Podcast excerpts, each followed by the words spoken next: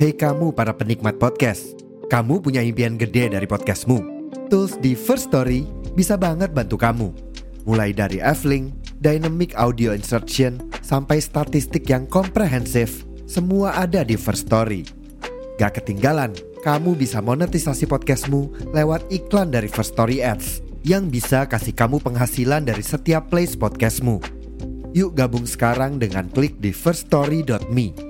Sekali lagi, di firststory.me. Mari kita bawa mimpi podcastingmu menjadi kenyataan.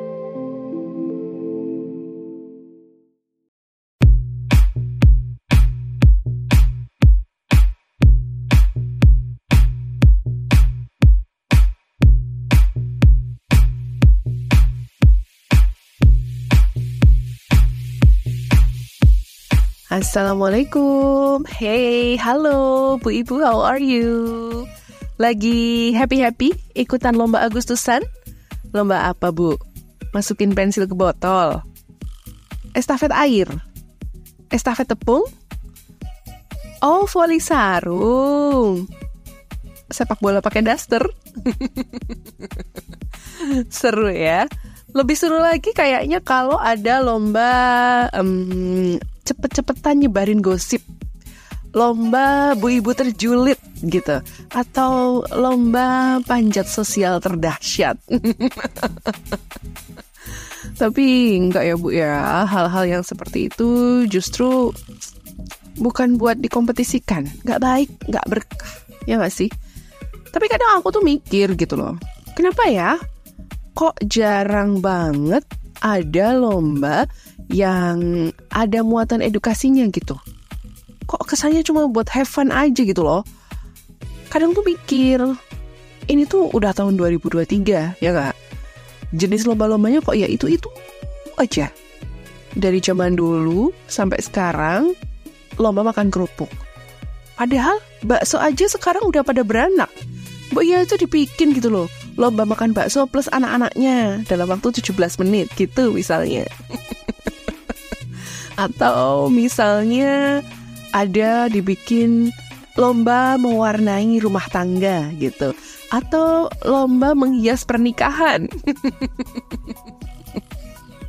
no, I'm just kidding Bu Ibu. I'm just kidding. Apa pun lombanya, mudah-mudahan Bu Ibu tetap bisa happy ya ngelakuinnya. Bisa hore-hore bareng sama tetangga, bisa makin akrab sama tetangga gitu. Dan ingat ya Bu ya, pas lomba jangan curang ya. Terus kalau misalnya capek ikut panjat pinang, ya wes yuk ngaso dulu Bu. Sambil pantengin podcast Bu Ibu bareng aku Ibu Ino. Podcast Bu Ibu. Podcast Bu Ibu by Ibu Ino. Podcast Bu Ibu by Ibu Ino.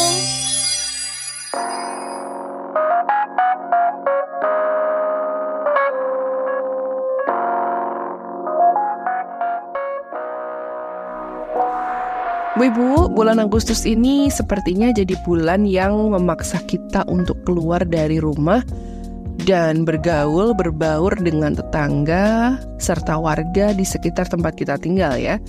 Karena selama bulan Agustus ini banyak lomba-lomba dan aneka rangkaian kegiatan lainnya yang digelar untuk memeriahkan peringatan Hari Kemerdekaan Indonesia. Buat Bu Ibu yang sehari-hari di rumah aja ngurus anak, ngurus rumah, bolehlah yuk sekali-sekali keluar. Nggak harus ikut lombanya nggak apa-apa bu.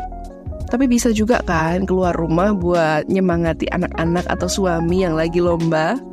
Ya nggak? Kehadiran kita untuk mereka buat ayo, ayo, ayo gitu. Gitu doang tuh udah berarti loh. Mereka kan jadi seneng karena ada supporternya gitu. Syukur-syukur juga nih para bu ibu working mom yang meskipun udah capek kerja di luar rumah bisa nyempetin juga buat ikut lomba-lomba kategori ibu-ibu itu ah sip banget kayaknya ya. Karena kadang yang kita perlukan untuk bisa ngerasain suasana yang beda dan bisa have fun itu ya kuncinya keluar. Keluar rumah, keluar kantor, go outside gitu. Di rumah udah seharian pencak silat dengan segala urusan domestik dapur dan semua ruangan. Di kantor seharian ngadepinnya layar komputer, laptop, dan juga paperwork yang numpuk-numpuk gitu. So, why don't you let yourself go outside for a while, Bu? Just go outside to have fun, seneng-seneng, ketemu sama orang lain, ketemu orang baru gitu. Siapa tahu dari situ bisa dapat info seru, dapat wawasan baru, dapat uh, pengetahuan yang berharga gitu, dapat ilmu yang berguna juga, ya nggak sih? So bu, just go outside, have fun, and get the knowledge.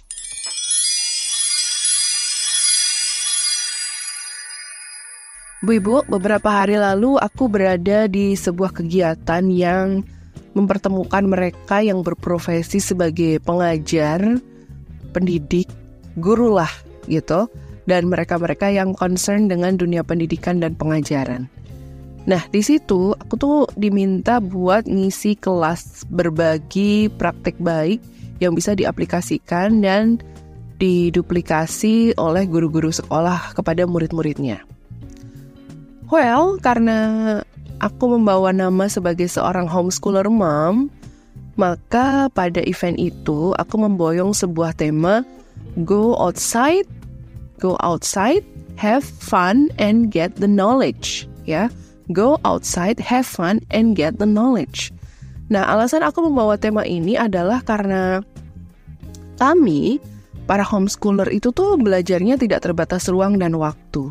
Literally tidak seperti sekolah pada umumnya yang berada dalam sebuah ruangan kelas dan dibatasi waktunya dengan jadwal pelajaran yang nunjukin belajar ini sekian menit, belajar itu sekian menit, gitu-gitu.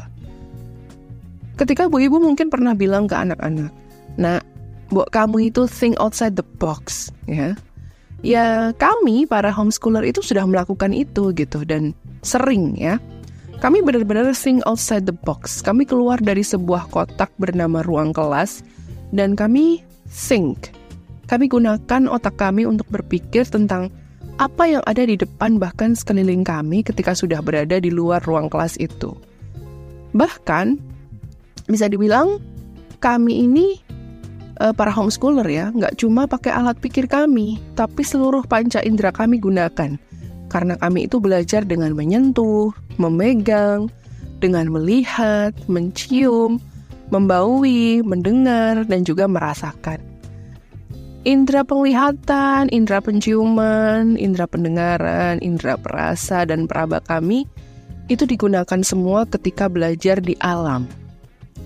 Nah, sayangnya nih, kemarin itu karena limit durasi dari panitia ya, jadi apa yang mau aku share itu belum bisa terpapar banyak. Padahal banyak sekali praktek baik yang bisa aku share untuk bisa dilakukan pada anak-anak kita. Anak murid bu ibu juga nih yang mungkin berprofesi sebagai guru ya. Banyak banget. Ketika kami para orang tua homeschooler ini membawa anak-anak homeschooling itu keluar dari rumah, pertama itu bukan hanya soal biar mereka nggak bosan aja atau soal biar mereka itu dapat suasana baru. Well, itu sih udah jelas ya. Siapa sih yang nggak bosen di rumah terus gitu? Anak-anak sekolah belajar di kelas aja bisa bosen ya. Makanya pas bel istirahat bunyi mereka bisa langsung wow gitu. Rule. Dulu-duluan keluar kelas, beli es, beli snack dan sebagainya. Nah, homeschooler itu pun pasti menemui situasi yang boring gitu, yang membosankan. Apalagi kalau nggak dimodifikasi metode atau cara belajarnya. Nah, salah satu hal yang jadi agenda penting homeschooler itu adalah belajar di alam. Bu, ketika dengar kata alam, jangan langsung dibayanginnya itu gunung, pantai, laut, sawah, bukit, jurang, gurun pasir, jangan. Jangan dibayangin sampai yang segitu-gitunya dulu. Yang gampang-gampang aja bu mikirnya alam tempat kita tinggal ini dulu deh. Keluar rumah, jalan bentar, udah nemu taman ternyata. Atau kebun misalnya. Taman komplek, atau misalnya taman kelurahan, gitu kan biasanya ada ya. Kita ajak anak aja buat melihat dan mengamati tumbuh-tumbuhan yang ada di taman itu contohnya. Amati warna daunnya. Beda-beda kan? Amati bentuk daunnya. Beda-beda juga kan?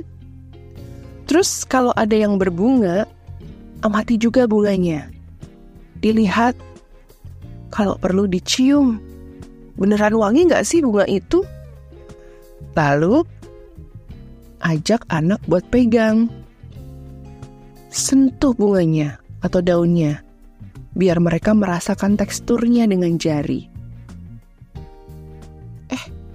Ketika di taman, kadang ya ada yang nggak sengaja lewat.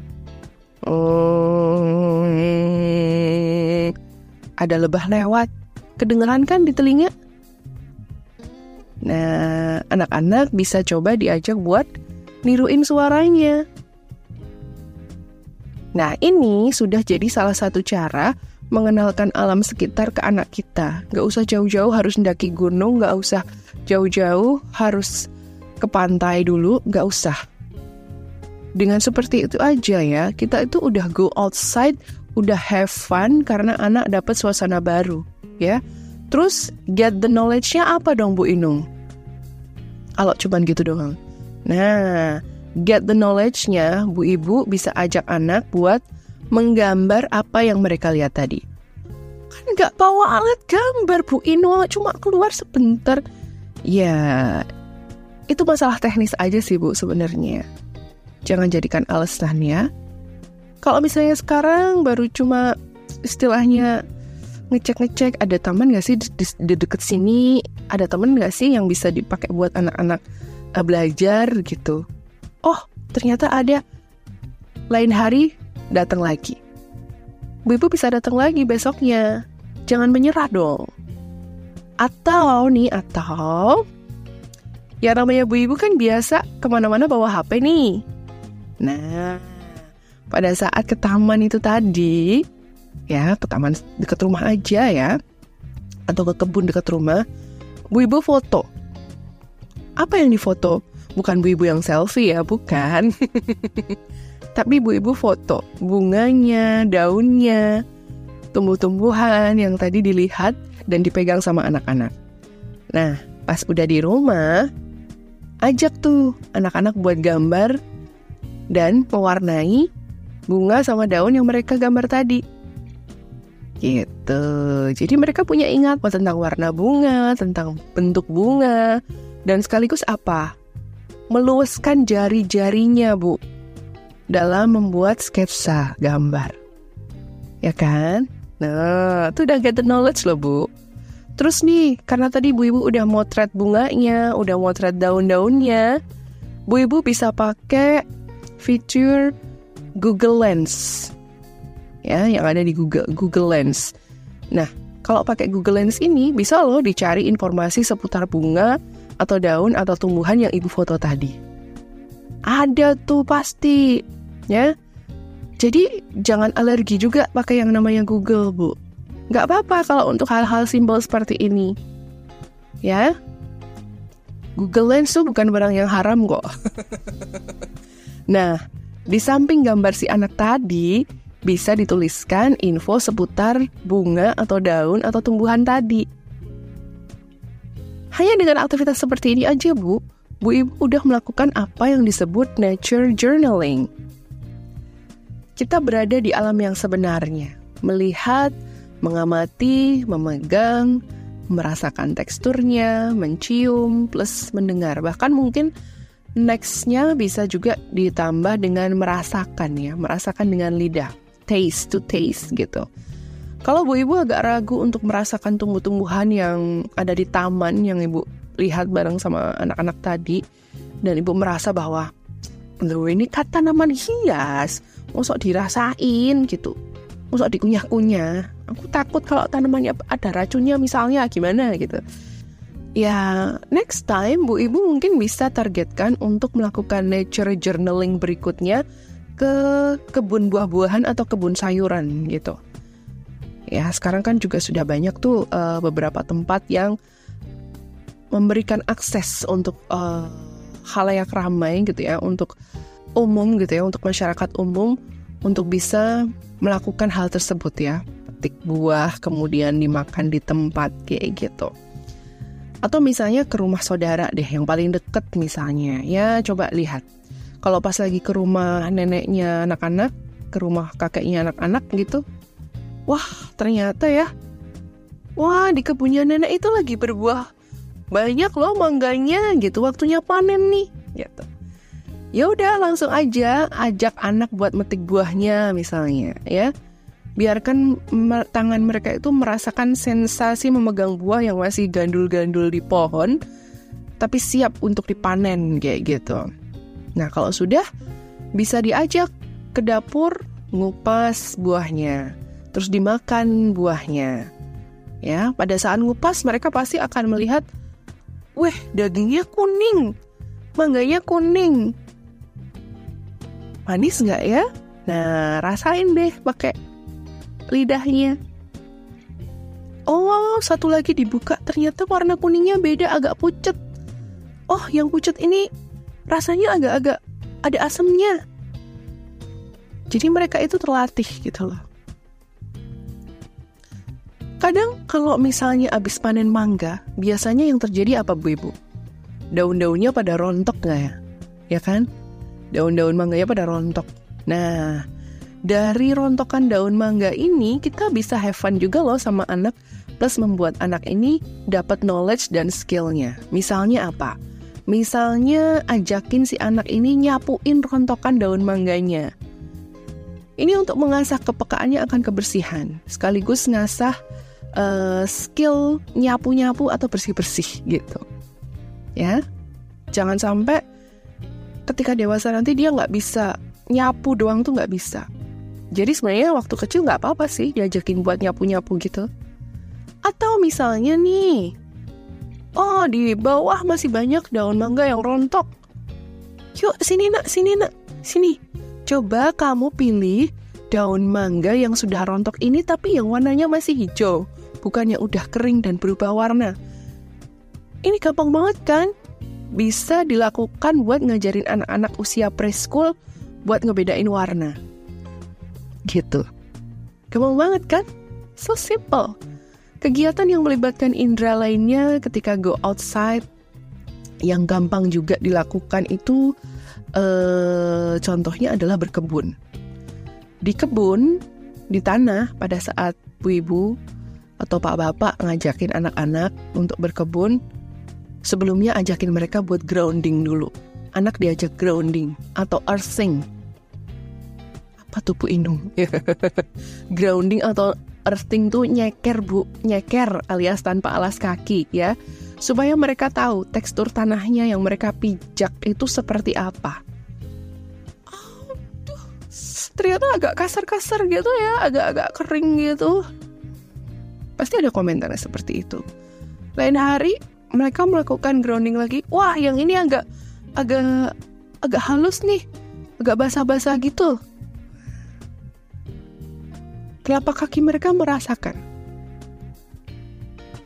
Ya, mereka tahu tekstur tanahnya seperti apa. Sekaligus ini bisa menstimulasi aneka macam saraf di telapak kaki yang buat mereka itu akan baik sekali untuk kesehatannya, gitu. Terus, proses menanam dengan tangan mereka itu pasti akan bikin mereka punya experience yang luar biasa. Mereka jadi tahu kalau setelah biji atau bibit itu ditanam di dalam tanah, itu nggak bisa langsung tumbuh, ya. Kok lama sih numbuhnya? Iya. Harus ditunggu dulu. Sehari. Oh, sehari ya. Kalau ternyata sehari belum numbuh gimana? Ya berarti kita tunggu dua hari. Ya, karena ada bibit atau biji yang setelah ditanam memang harus kita tunggu tumbuhnya butuh sehari, dua hari, seminggu, mungkin dua bulan, bahkan butuh bertahun-tahun agar bisa tumbuh dan membesar. Gitu.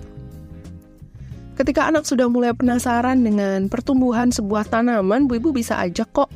Misalnya nanti setelah seminggu diajak buat ngeliat tanamannya sudah setinggi apa, bawa penggaris. Nah, diukur tinggi batangnya udah seberapa senti misalnya gitu ya. Setiap minggu ajak anak buat mencatat pertumbuhan uh, tanaman yang dia tanam tadi gitu. Kan pasti mengasihkan ya. Dia juga punya apa ya punya sesuatu yang ingin dia ketahui gitu loh. Ya dia pasti akan excited. Terus dia pengen tahu gitu loh. Oh ternyata kalau kita kasih air banyak kita kasih cahaya yang banyak itu jadi bisa lebih cepat ya numbuhnya misalnya seperti itu. Well actually banyak banget yang bisa uh, kita ajarkan pada anak-anak kita gitu. Ketika kita dan anak-anak kita itu outside ya go outside and have fun gitu. Uh, misalnya apa ya? Contoh lain lagi oh ini saat pakai transportasi umum pakai bus trans misalnya bus trans itu kan sistem pembayarannya cashless ya alias pakai kartu tap begitu ya berarti kita harus punya kartu tap-nya itu dulu agar bisa naik bus trans. Ya nggak? So, kita ajak anak kita beli kartu tap. Itu berarti step pertamanya ya. Anak juga harus tahu di mana sih bisa beli kartu tap itu biar bisa naik bus trans. Kita ajak anak kita beli kartu tap. Lalu ajarkan bagaimana ngisi saldonya. Ya, Dipahamkan bahwa ini kartu bukan sembarang kartu. Kartu ini bisa dibilang sebagai pengganti uang. Uangnya ada di dalam sini, gitu. Cara ngisi uangnya bagaimana? Ya, diajarin. Lalu setelah itu diajari cara naik bus trans sesuai jalur atau jurusan yang tepat. Kita ajak dia baca keterangan koridor bus trans dan rute yang dilewati. Kalau udah nemu, kita ajak ke halte yang tepat kalau ada banyak calon penumpang, diajari tentang antri saat akan naik ke busnya. Oh, sudah berada di bus. Misalnya, anak lagi seneng belajar berhitung nih, ya udah ajak anak buat ngitung tempat duduknya ada berapa. Ajak anak buat bersopan santun juga selama dalam bus. Ya, jangan nggak boleh teriak-teriak, nggak boleh tantrum, misalnya kayak gitu. Terus pada saat mau turun, ajari juga caranya. Easy bukan? So easy, right?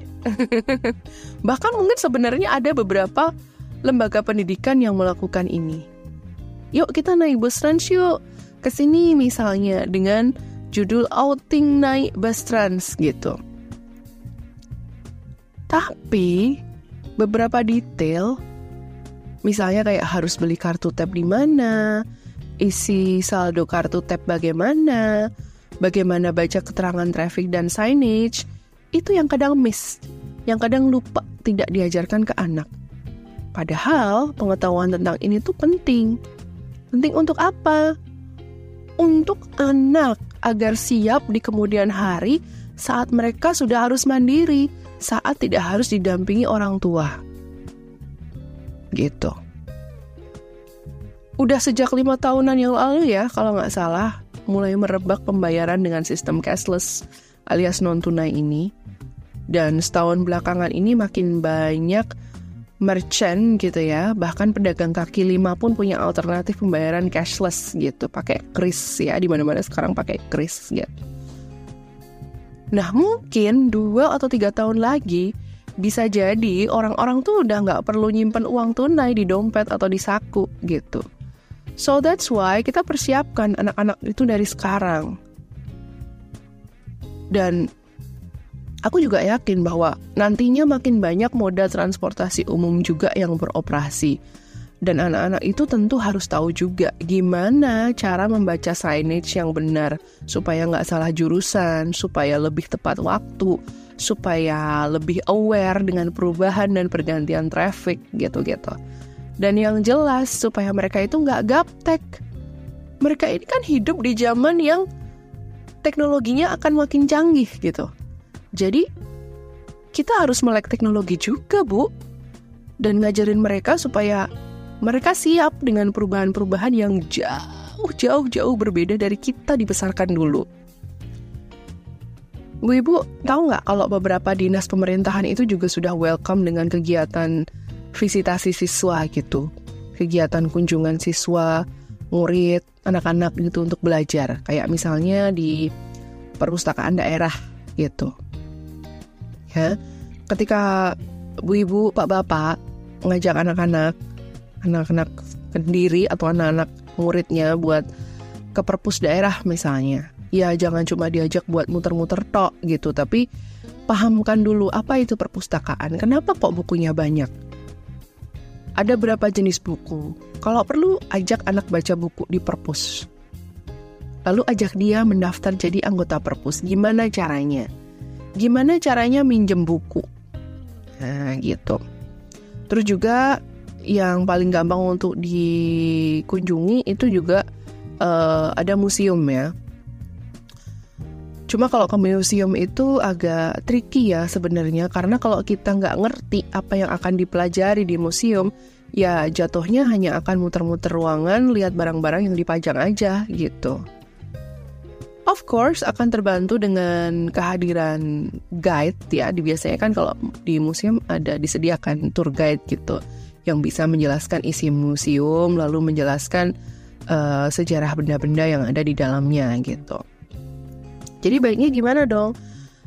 Ya baiknya sebelum memutuskan untuk belajar di museum ada baiknya terliterasi dulu dengan objek yang relate dengan museum yang akan kita datangi. Misalnya nih, kalau di Banyumas ini kan ada museum wayang ya contohnya.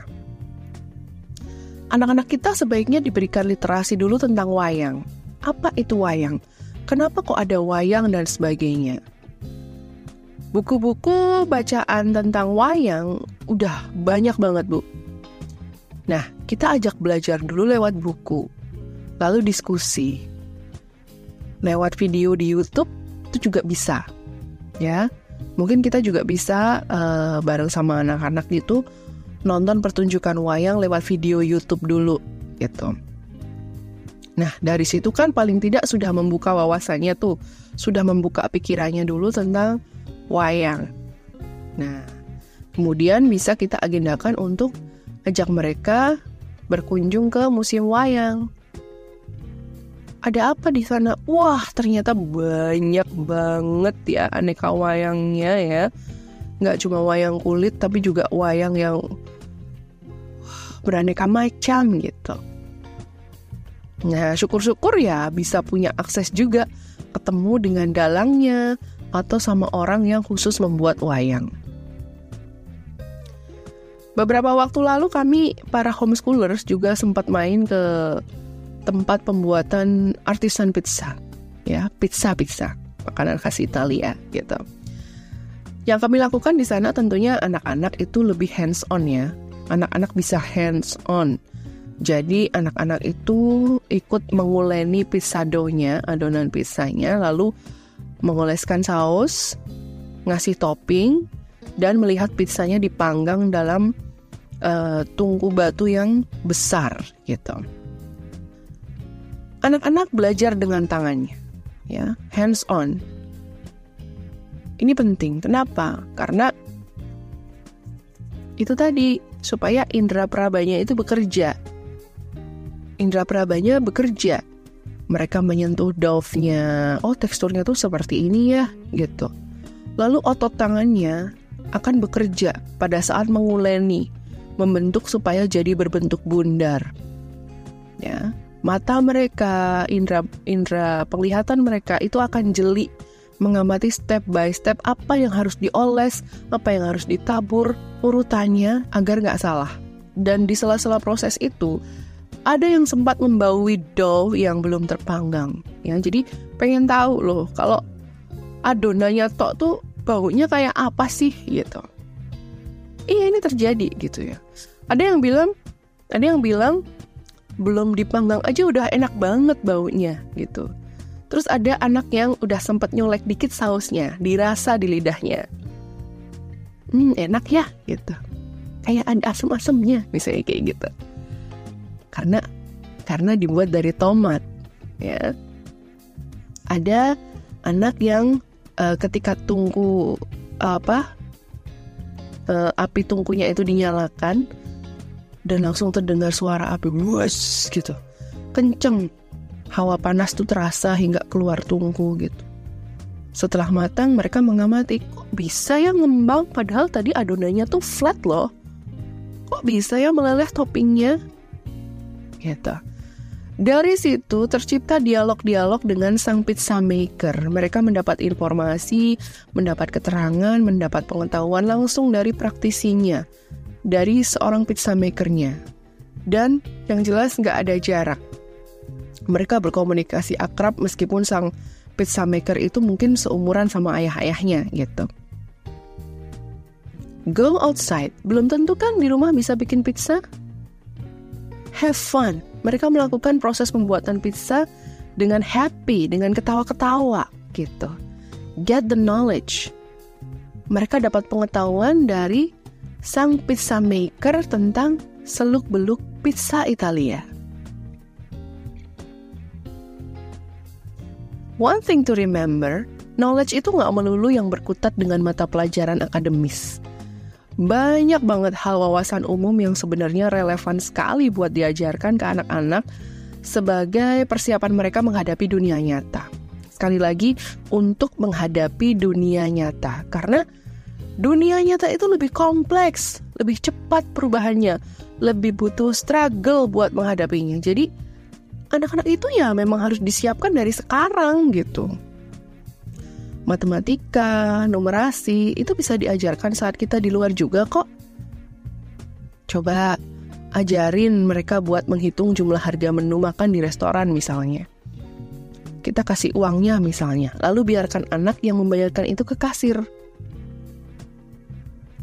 Kita bisa sekalian ngetes mereka dengan sengaja ngasih uangnya lebih, biar dia ngitung kembaliannya, bener atau salah. Ya, pada saat kita makan di luar bisa loh kayak gitu. Fisika misalnya. Ajak murid-murid naik bus trans. Kasih soal. Oke, nah, ibu mau tanya. Kalau dari Purwokerto ke Banyumas, jaraknya sekian kilometer, ditempuh dalam waktu 45 menit, berapa kira-kira kecepatan bus ini? Jadikan itu kuis saat masih berada dalam bus buat seru-seruan kegiatan outing-outing itu udah lumrah ya dilakukan, tapi jangan sampai hal-hal detail itu ditinggalkan. Eh tapi Bu Inung gimana cara ngeceknya kalau anak-anak atau murid-murid itu udah get the knowledge? Masa kita kasih soal ujian? Iya, nggak gitu-gitu juga sih Bu. Pertama dan paling gampang coba tanyakan dulu deh perasaan mereka tadi gimana selama proses itu berlangsung. Ya, selama proses itu berlangsung mereka ngerasanya gimana sih? Happy, seneng, excited, atau justru males, biasa aja, bosen? Karena kita butuh uh, memvalidasi juga gitu loh perasaan mereka kenapa, apa perasaan kayak mereka gimana ketika sudah diajak outing itu tadi.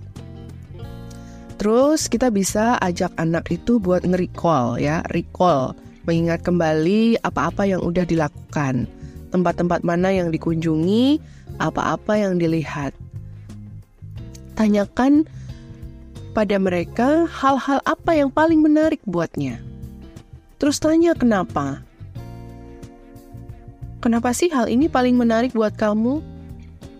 Kalau perlu, ajak dia recall dengan menggambar apa yang dia lihat tadi. Bisa juga kita tes sedikit. Oh, tadi di museum wayang kan? Ingat nggak tadi uh, ada wayang yang dibuat dari rumput? Itu namanya apa ya? Terus-terus kalau tokoh wayang yang kembar itu siapa ya namanya? Nah, hanya pertanyaan-pertanyaan singkat aja. Bicara soal belajar ya, Bu Ibu. Well, Homeschoolers itu bisa belajar di mana saja, dari mana saja, dengan siapa saja, kapan saja. Bahkan di saat malam hari keluar rumah, lalu tiba-tiba lihat ke langit ada bulan, pas sedang bulat-bulatnya, dari satu objek itu bisa untuk belajar apa saja. Gak percaya? Contoh ya, hanya dengan satu objek bulan kita bisa belajar satu matematika. Oh, itu termasuk bangun datar berbentuk bulat. Berbentuk lingkaran. Iya ya. Bulan itu berbentuk lingkaran. Lagi tentang matematika. Kalau misalnya jari-jari bulan itu 25 meter, kira-kira kelilingnya berapa ya? Nah, baru deh pakai rumus keliling lingkaran. Dari satu objek bulan yang ada di langit, kita bisa belajar juga tentang IPA. Ilmu pengetahuan alam. Bulan purnama itu munculnya kapan sih? Tiap bulan atau berapa bulan sekali ya? Terus kalau bulan purnama itu ngaruh nggak ya ke bumi? Kalau di sana bulan purnama di bumi itu terjadi apa? Lalu bisa berubah jadi belajar bahasa. Eh nak, kita bikin puisi tentang bulan yuk. Misalnya. Atau bikin cerita bertema bulan purnama misalnya. And then bisa berubah lagi, belajar tentang pengetahuan umum. Gunakan imajinasi anak misalnya. Eh, pernah nggak sih denger katanya kalau bulan purnama gitu nanti ada werewolf alias manusia serigala. Bener nggak sih? Kita kan jadi nyari tahu tentang sejarahnya. Oh ini tuh ternyata cuma mitos. Menarik banget kan bu? Hanya dengan keluar rumah sebentar pada saat malam hari, Melihat satu objek di langit yaitu bulan bisa jadi belajar banyak banget. Dan gak melulu tentang akademis gitu. So, bu ibu, pak bapak, om tante yang punya ponakan-ponakan bisa banget deh lakuin ini. Go outside, have fun, and get the knowledge. Kita harus kasih makna baru dalam have fun. Not just partying ya, not just foya-foya, not just plesir-plesir lalu capek gitu tapi ada tujuan dan makna yang bisa diraih, diresap di hati dan pikiran si anak gitu ya. We can start with the simple one. Don't get too much expectation. Itu yang jadi uh, pegangan dulu. Don't get too much expectation. Nikmati aja prosesnya karena kita sedang menanamkan value ke dalam diri si anak. Bukan hanya yang tertera di kertas ulangan atau lembar ujian itu nilainya, bukan. Tapi value bahwa anak ini nih anak ini nih itu contented ya berisi gitu berisi akalnya jiwanya hatinya hingga nanti dia siap menghadapi dunia nyata